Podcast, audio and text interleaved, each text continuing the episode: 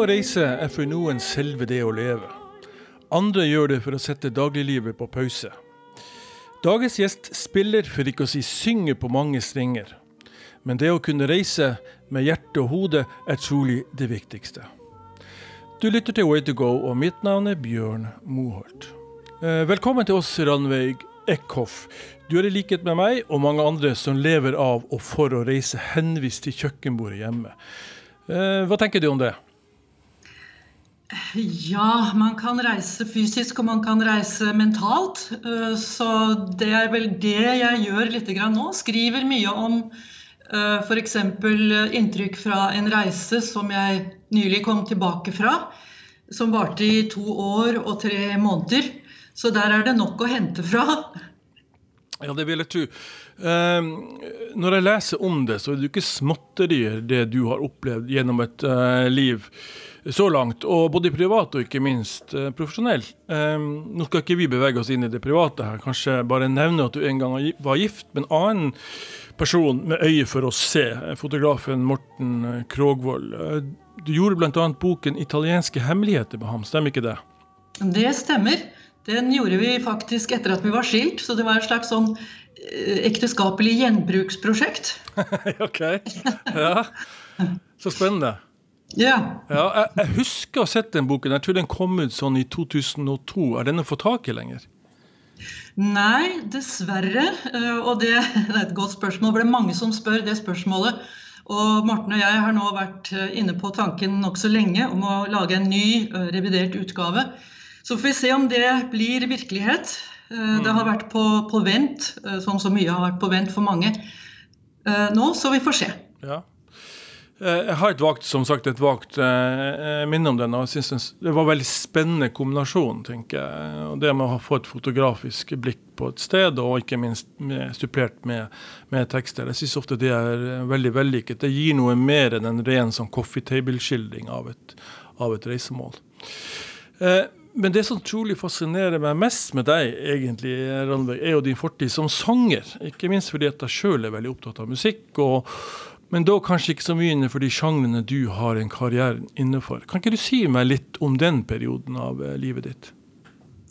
Ja, den, det er en veldig lang periode. Den begynte jo eh, med min egen begynnelse. Eh, Når folk spør når begynte du å synge, så svarer jeg heller nei, jeg begynte aldri å synge, jeg har bare aldri sluttet.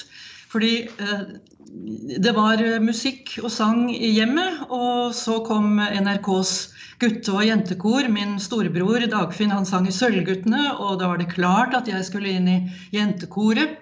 Og så eh, vokste jeg til, og så kom jeg til Nissen skoles eh, musikklinje, som da var eneste skole i landet som hadde musikk som skriftlig fag. Og der var det selvfølgelig hele kremen av Norges musikkungdom eh, som eh, strømmet til. Så det var et eh, veldig inspirerende gymnasiumområde. vi, vi oppførte to opera, operaer. eh, Dido Eneas av Purcell og Porgy and Bess av Gershwin. Og så var det selvfølgelig videre å studere, og da var det musikkdramatikk eh, som sto på programmet, og da var det ikke så mye å lure på, for det var veldig lite fristende å bli eh, i Norge. Hadde ikke noe jeg var interessert i, så da dro jeg til Stockholm. Og hadde tre år på Statens musikkdramatiske linje, og så var jeg der. Og så ble jeg der i syv år, fordi da fortsatte det jo med jobber. Hvor, når, hvor er vi sånn tids, i tidslinje her? Eh, Eh, altså jeg, ja, jeg begynte i Stockholm på Musikkdramatiska skolan i 1969. Var der i tre år. Og så var jeg på diverse ø, oppdrag eh, på Den Kungliga teateren, på Operaen i Stockholm, og så på et eh, så oppsøkende eh, prosjekt med en liten gruppe som reiste rundt i Sverige og litt i Europa. Eh, og så kom eh, tilbudet om å synge Hanna Glavari på Oscarsteateren, uh, 'Den glade enke'. Og det gjorde jeg da 275 ganger der, Oi. før eh, jeg var ferdig. Ja. Så det var, det var, livet ditt den gangen? Du ble profesjonell sanger i den perioden? Ja da, det gikk i sømløse overganger, og så var jeg profesjonell sanger. Det var liksom ikke noe annet uh, som var uh, å diskutere. Mm. Og i den forbindelse, du, du, også dro til Du var i Mannheim, ikke sant? Ved Nationaltheatret ja. der, hvis jeg ikke tar mye feil. Og, og det brakte deg også til Roma.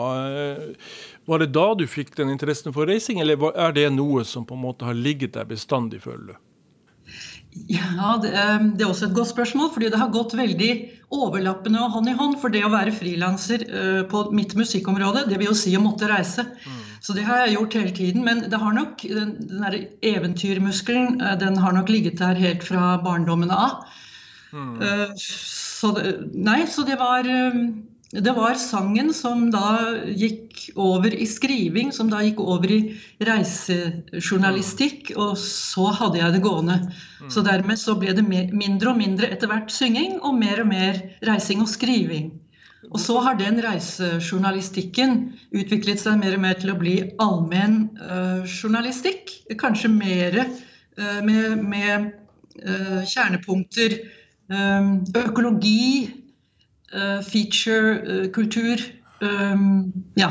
ja. Vi skal ta opp dette med økologi og bærekraft litt senere, tenkte jeg. Eh, jeg er litt sånn fascinert av dette her med mennesker som reiser opp ut i verden, og, og har gjort det litt selv. Og jeg tenker at det, det blir planta et frø igjen.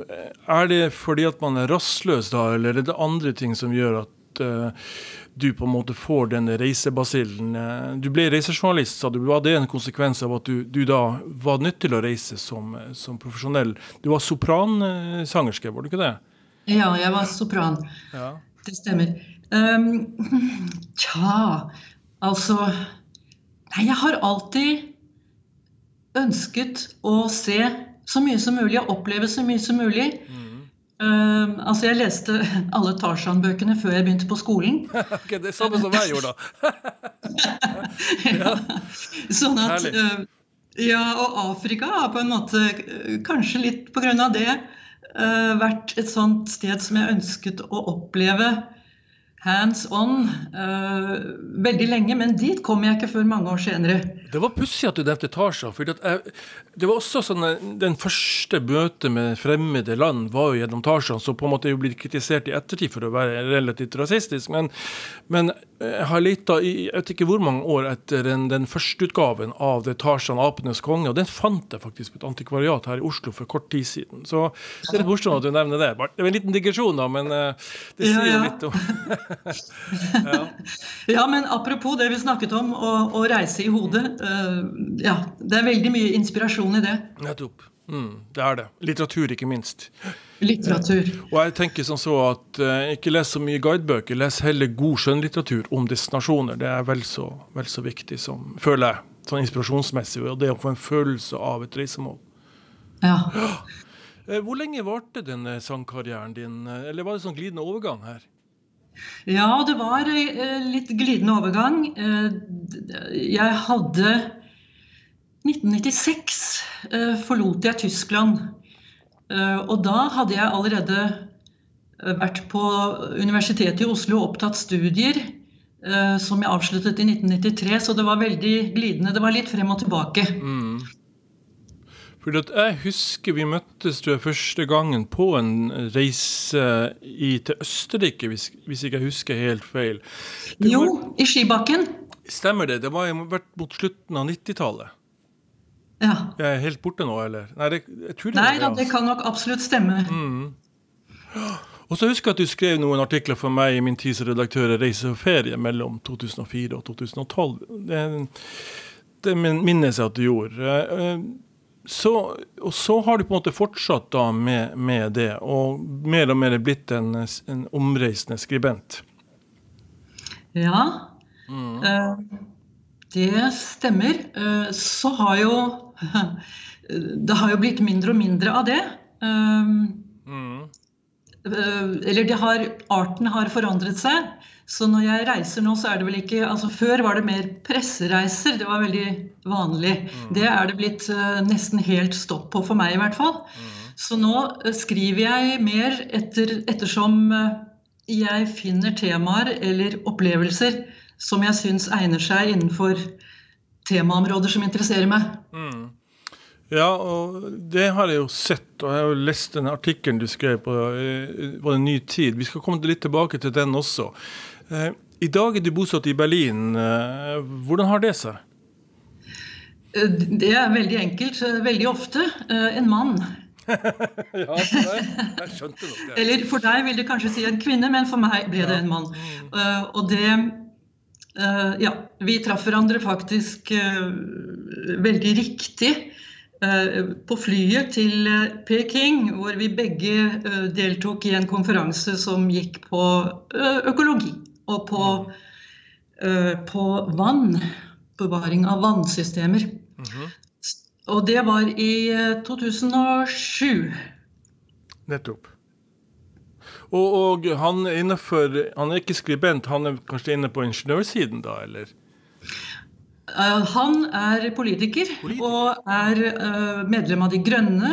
Og rett før vi reiste på turen vår, den lange verdensturen som vi, ja, som vi enda ikke har snakket om, mm. så var han fire år i uh, Ministeriet for energi og klima i, i Berlin. Yes. Mm. Så han er ja, det er det han gjør. Så du fant en reisevenn her, tydeligvis, i Rainer, er det vel han heter, og eh, som du da har reist en god del med, og som vi skal snakke litt mer om. Eh, eller ikke nødvendigvis deres reise, men selve reisen og hva den har betydd for deg.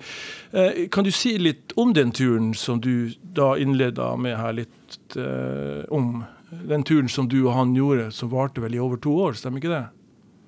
Det stemmer to år og to-tre mm. måneder. Hun skulle jo vært lenger, men eh, så kom noe som heter covid-19, eh, og så ble det eh, hjem. Mm. Men nei, det var, en, det var en drømmereise som vi har begge snakket om veldig lenge. Nå var jo han og er en opptatt mann, og det var helt uaktuelt inntil det plutselig kunne bli aktuelt. Og det ble det på det tidspunktet da han forlot regjeringen, eller altså stats, mm. ja, statsrådsposisjonen i regjeringen. Og da hadde vi i grunnen lagt opp til dette litt, litt, hemmelig, fordi når man er i offentlighetens lys, så skal man jo ikke si fra at jeg, om, om, noen måneder så forlater jeg dere, så da kan dere bare glemme meg. Mm. Så, så, det var vi, vi skaffet en, det riktige kjøretøy, og vi utstyrte utstyrte det med det som trengtes, og vi planla ruten, og vi gjorde en masse ting som, eh, sånn i det stille eh, før vi satte av sted og satte bilen på båten over havet til Namibia.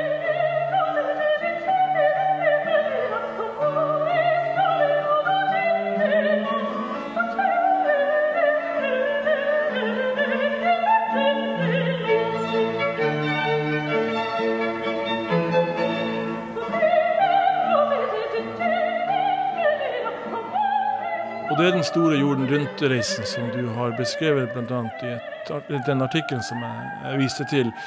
Eh, nå, nå har, er jo du en del kritisk til hvordan eh, verden er blitt, ikke minst med hensyn til søppel og hvordan vi forsøpler verden. Og, og dette med bærekraft er blitt en viktig driver hos deg. Eh, er, altså det å legge begrensninger på det å oppleve verden, er det noe vi privilegerte kan gjøre, og dermed på en måte utelate de som kanskje nå, de som først nå får muligheten til å reise ut i verden? Hvordan ser du på det?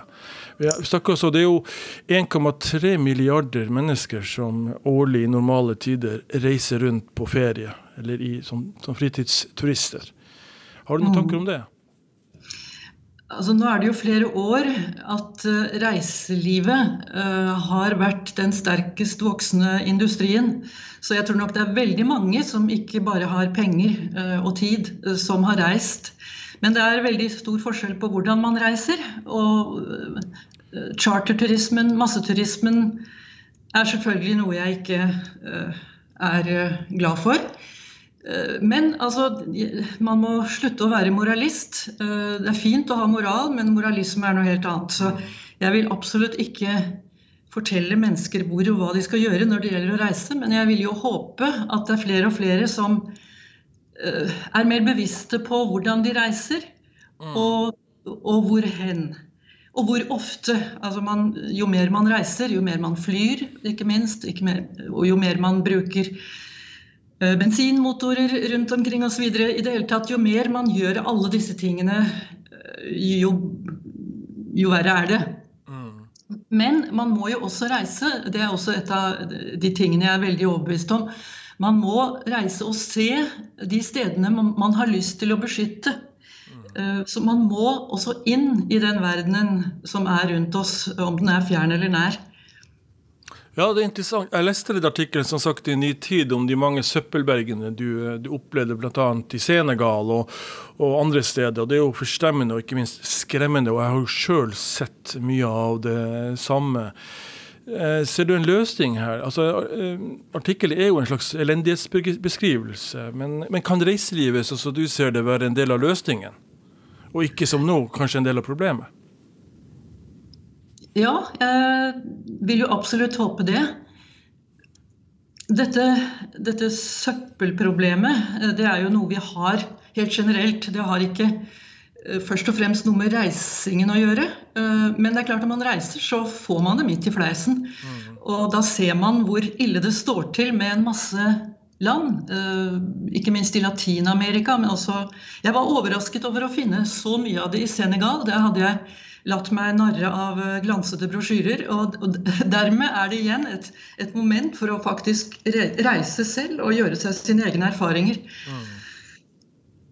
Ja, Det overrasker meg. at og, ja. Noe som også slo meg i den artikkelen, var jo hvordan du beskrev mennesker som bodde midt oppi dette her og kledde seg ut i de flotteste kostymer og klær. Og samtidig da bor midt i en søppelhaug. Disse kontrastene, og det har jo jeg også opplevd uh, veldig sterkt. Og som en, helt en gåte for meg at de ønsker det. Ja, det har jeg fremdeles ikke funnet noe svar på. Mm. Altså det, det, er et eller annet med den estetiske sansen. Uh, hvor er den hen, og hvordan oppstår den? Uh, jeg har alltid selv uh, syntes det var helt klart hva som var fint, pent, hva som var vakkert, hva som var nytbart, og hva som ikke var det. Men det er akkurat som om det er ikke noen selvfølge. Når jeg så på disse menneskene, ikke minst også i India, Eh, så er det liksom det samme. Kvinnene spesielt eh, kler seg som dronninger. Eh, det er gull og sølv, smykker, og det er sjal, og det er sarier, og det er skjønnhet. Og så bare vasser de rundt i dritt og lort. Og da lurer jeg på, er det noe de har bare skrudd av fordi det ikke er noe å gjøre med det? Altså i F.eks. vi var på en Airbnb eh, i et, ja, nærmere tre uker da vi var i Senegal. Eh, på et sted ute ved kysten, eh, ni mil sør for Dakar omtrent. Og hun hadde en, da en eh, senegalesisk mann eh, og en veldig fin, eh, stor familie der. og så var det murer rundt huset. Og det var svømmebasseng, og det var rent og pent. Og utenfor var det det rene helvete av dritt og lort og stinkende søppel. Og så snakket vi med henne om dette, og hun var fransk, så hun hadde all grunn til å, å ha den samme opplevelsen av det som jeg. Eh, og da fortalte hun den sørgelige historien om at hun hadde først eh, vært sjokkert, og så hadde hun vært deprimert, og så gikk hun til borgermesteren og sa vi må gjøre noe med dette, dette er helt umulig, vi kan ikke ha det, vi kjører gjennom søppel hver dag på vei til jobben. Og øh, han, det var bare unnvikelser og sa ja, jo, vi forstår det, og det var bare ingen planer om å gjøre noe med det. Og etter fem år øh, med depresjon og oppgivelse, så ga hun opp. Mm. Og trakk seg tilbake til sin uh, lomme. Ja. Så det er vel mange forskjellige måter man forholder, eh, man forholder seg til problemet på. Noen gir det opp, noen trekker seg unna, og andre fortsetter å bli opprørt. Og det er vel der, der jeg er. Ja, så jeg var jo, opplevde det samme i Botswana. og da eh, var det inne på noe som du også er inne på i den artikkelen. At eh, i disse landene, før emballasje og plast kom, så brukte man organiske, uh, altså organiske ting som man, man emballerte f.eks. mat og andre ting med, som man da bare mm. kunne kaste fra seg. Eh, ikke sant, I veigropa eller hvor ja. man måtte være. Mens eh, nå så had, har man ikke utbygd et system i disse landene for å håndtere denne søpla. Så gjør man akkurat det samme som man gjorde med, med, med palmeblader og andre ting som man brukte da som sagt som emballasje. Og eh, jeg husker jo da fra langs grensa til Sør-Afrika, da jeg reiste fra Gaborona ned dit, så lå det jo det, langs hovedveien der så var det som en, som en, vegg av søppel som lå langs hele veien. Flere kilometer med, med plast og dritt, altså. Ja. Så det, det, det, er et kjempeproblem. Men, men, jeg tror jeg ser jo litt av det samme faktisk i Europa. Jeg er jo en del i Italia, og der er de også det forstemmende å se hvor lett de kaster søppel ut i naturen, når de ikke har et system som på skikkelig vis kan ta seg av det. Ja, ja det, det, er jo nettopp der du er inne på det. Det må jo være et system Eh, som er ordnet. Eh, og der har vi jo i Nord-Europa eh, mye bedre forhold. Italia der er jo mer Afrika enn Europa, spør du meg. Okay, ja. Så det er selvfølgelig Det, det må organiseres ovenfra. Mm. Hvis, ikke sted, hvis, ikke folk har et sted å gjøre søpla på, så, så hiver man det bare fra seg. Mm. Eh, du bor i Tyskland, og eh, det er jo litt nærmere Norge, kan man si. Er, ser du noe av det samme der, eller eh, hva er det fine og for så vidt også frustrerende med å bo i et annet land som Tyskland?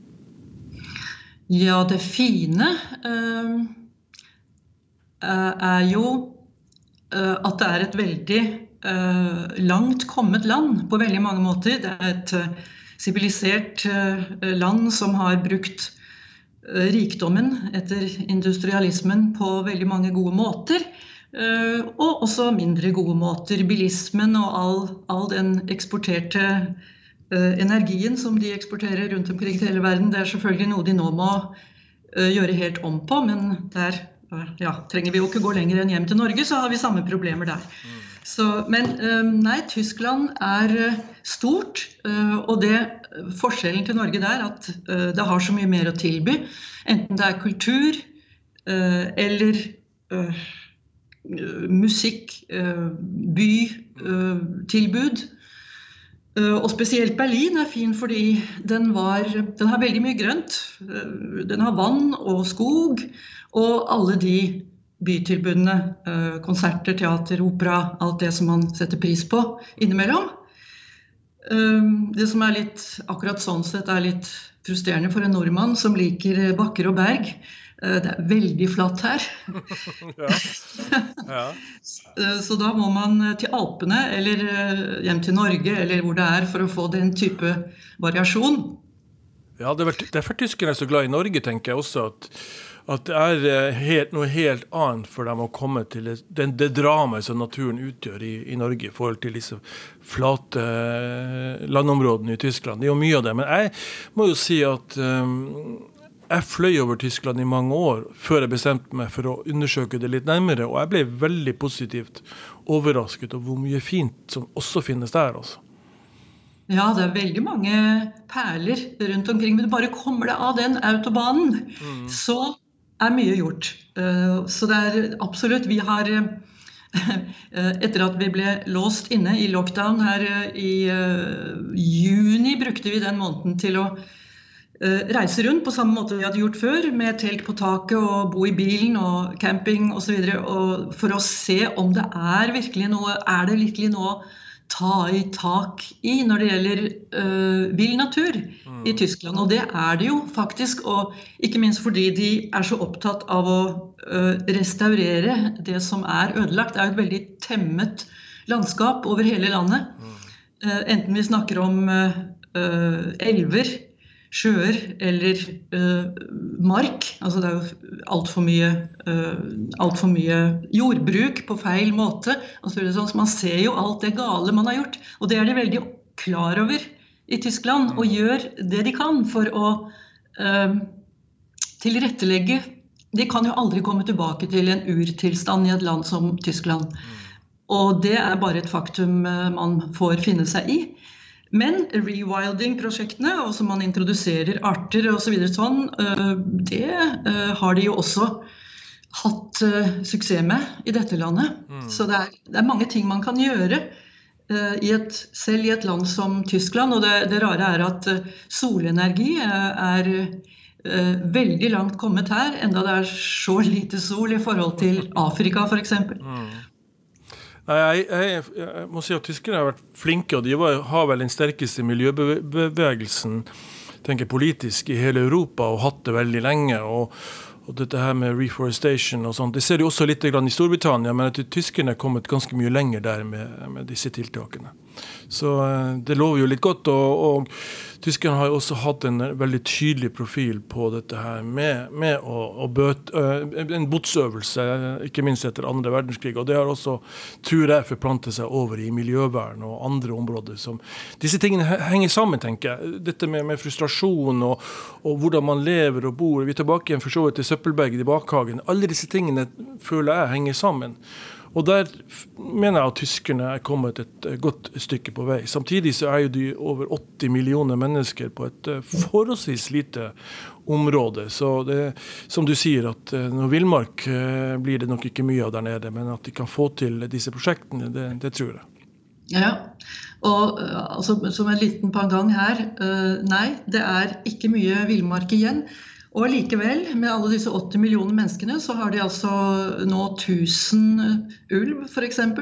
Vi har 100 i et land med 5 millioner og masse uh, fritt areal. Så det, det, er mange paralleller jeg trekker meg. Uh, helt uunngåelig vis. Mm. Ja, det er interessant, for alt henger sammen med alt når det gjelder disse tingene, føler jeg. Og da er du inne på noe det, sammenligner hva skal jeg si, tysk rovdyrpolitikk med norsk, og da er vi inne på Norge. Og du ser jo Norge litt på distanse nå, og kanskje har fått utvikla en type ambivalens i forhold til ditt uh, hjemland. Hvordan ser du på Norge der du sitter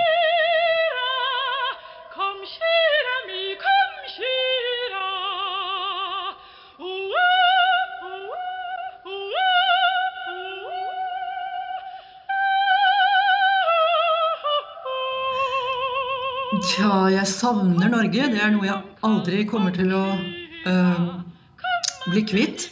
Men det er jo ikke noe problem, egentlig. Uh, Norge ligger jo der, og jeg kan dra dit.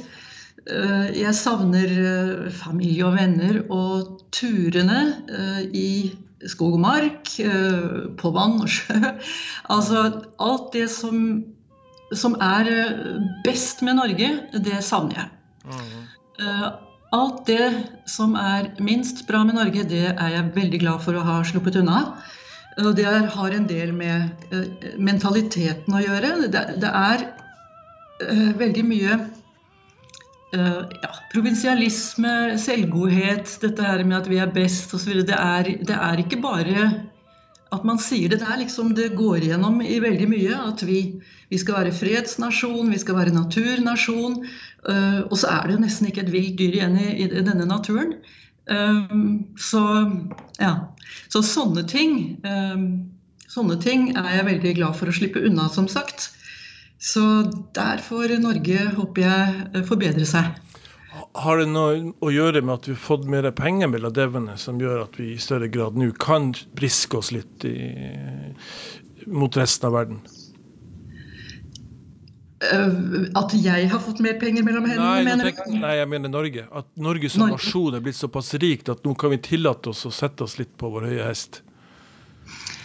Altså ja, uh, på en måte. Så var det jo uh, Det å finne olje var jo for Norge virkelig et tveegget sverd. Da ble veldig mange verdier plutselig veldig ensporet. Og nå får vi jo, eller får de, jeg får si de, nordmennene får jo nå problemene med å, å rydde opp i det. Nå må de vekk fra fossilt brennstoff. Det blir ikke lett. For nå må alt det på en måte komme på fote igjen av næringsdrift og kunnskap som kanskje har ligget litt brakk, litt tilbakelent i mange år.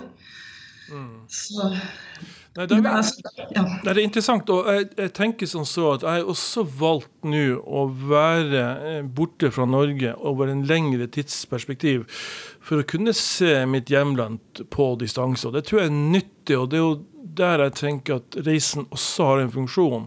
Det å kunne dra ut i verden og, og kanskje se at ja, det er veldig mye som er bra med Norge, men det er også ting som, vi, eh, som man kan sette spørsmålstegn ved. Det tror jeg faktisk er veldig viktig. Ja, selvfølgelig er det viktig. Jeg tror at egentlig så burde det være obligatorisk for ethvert menneske å reise ut av landet sitt. uh, I hvert fall én gang uh, før det er blitt veldig gammelt. Dannelses, den gamle dannelsesreisen. Ja, dannelsesreise. Ja. Det er en fin ting. Er en fin ting. Eh, Radve, vi skal avslutte eh, nå, jeg tenkte. Eh, driver du og synger fremdeles?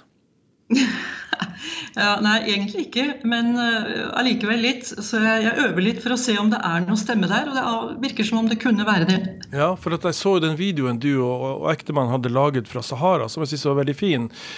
Og så hørte jeg en stemme som gikk igjen på lydsporet der. Da ble jeg litt skuffet over at det ikke var deg.